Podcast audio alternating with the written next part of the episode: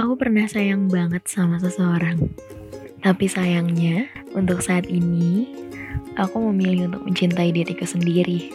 Aku sadar, yang aku butuhkan adalah seseorang yang bersyukur memiliki aku. Bukan hanya seseorang yang mampu bilang sayang, tapi ternyata tidak takut kehilangan. Lepaskan saja, kemudian ikhlaskan. Tapi, kalau ditanya sudah ikhlas atau belum, saya juga nggak tahu mau jawab kayak gimana.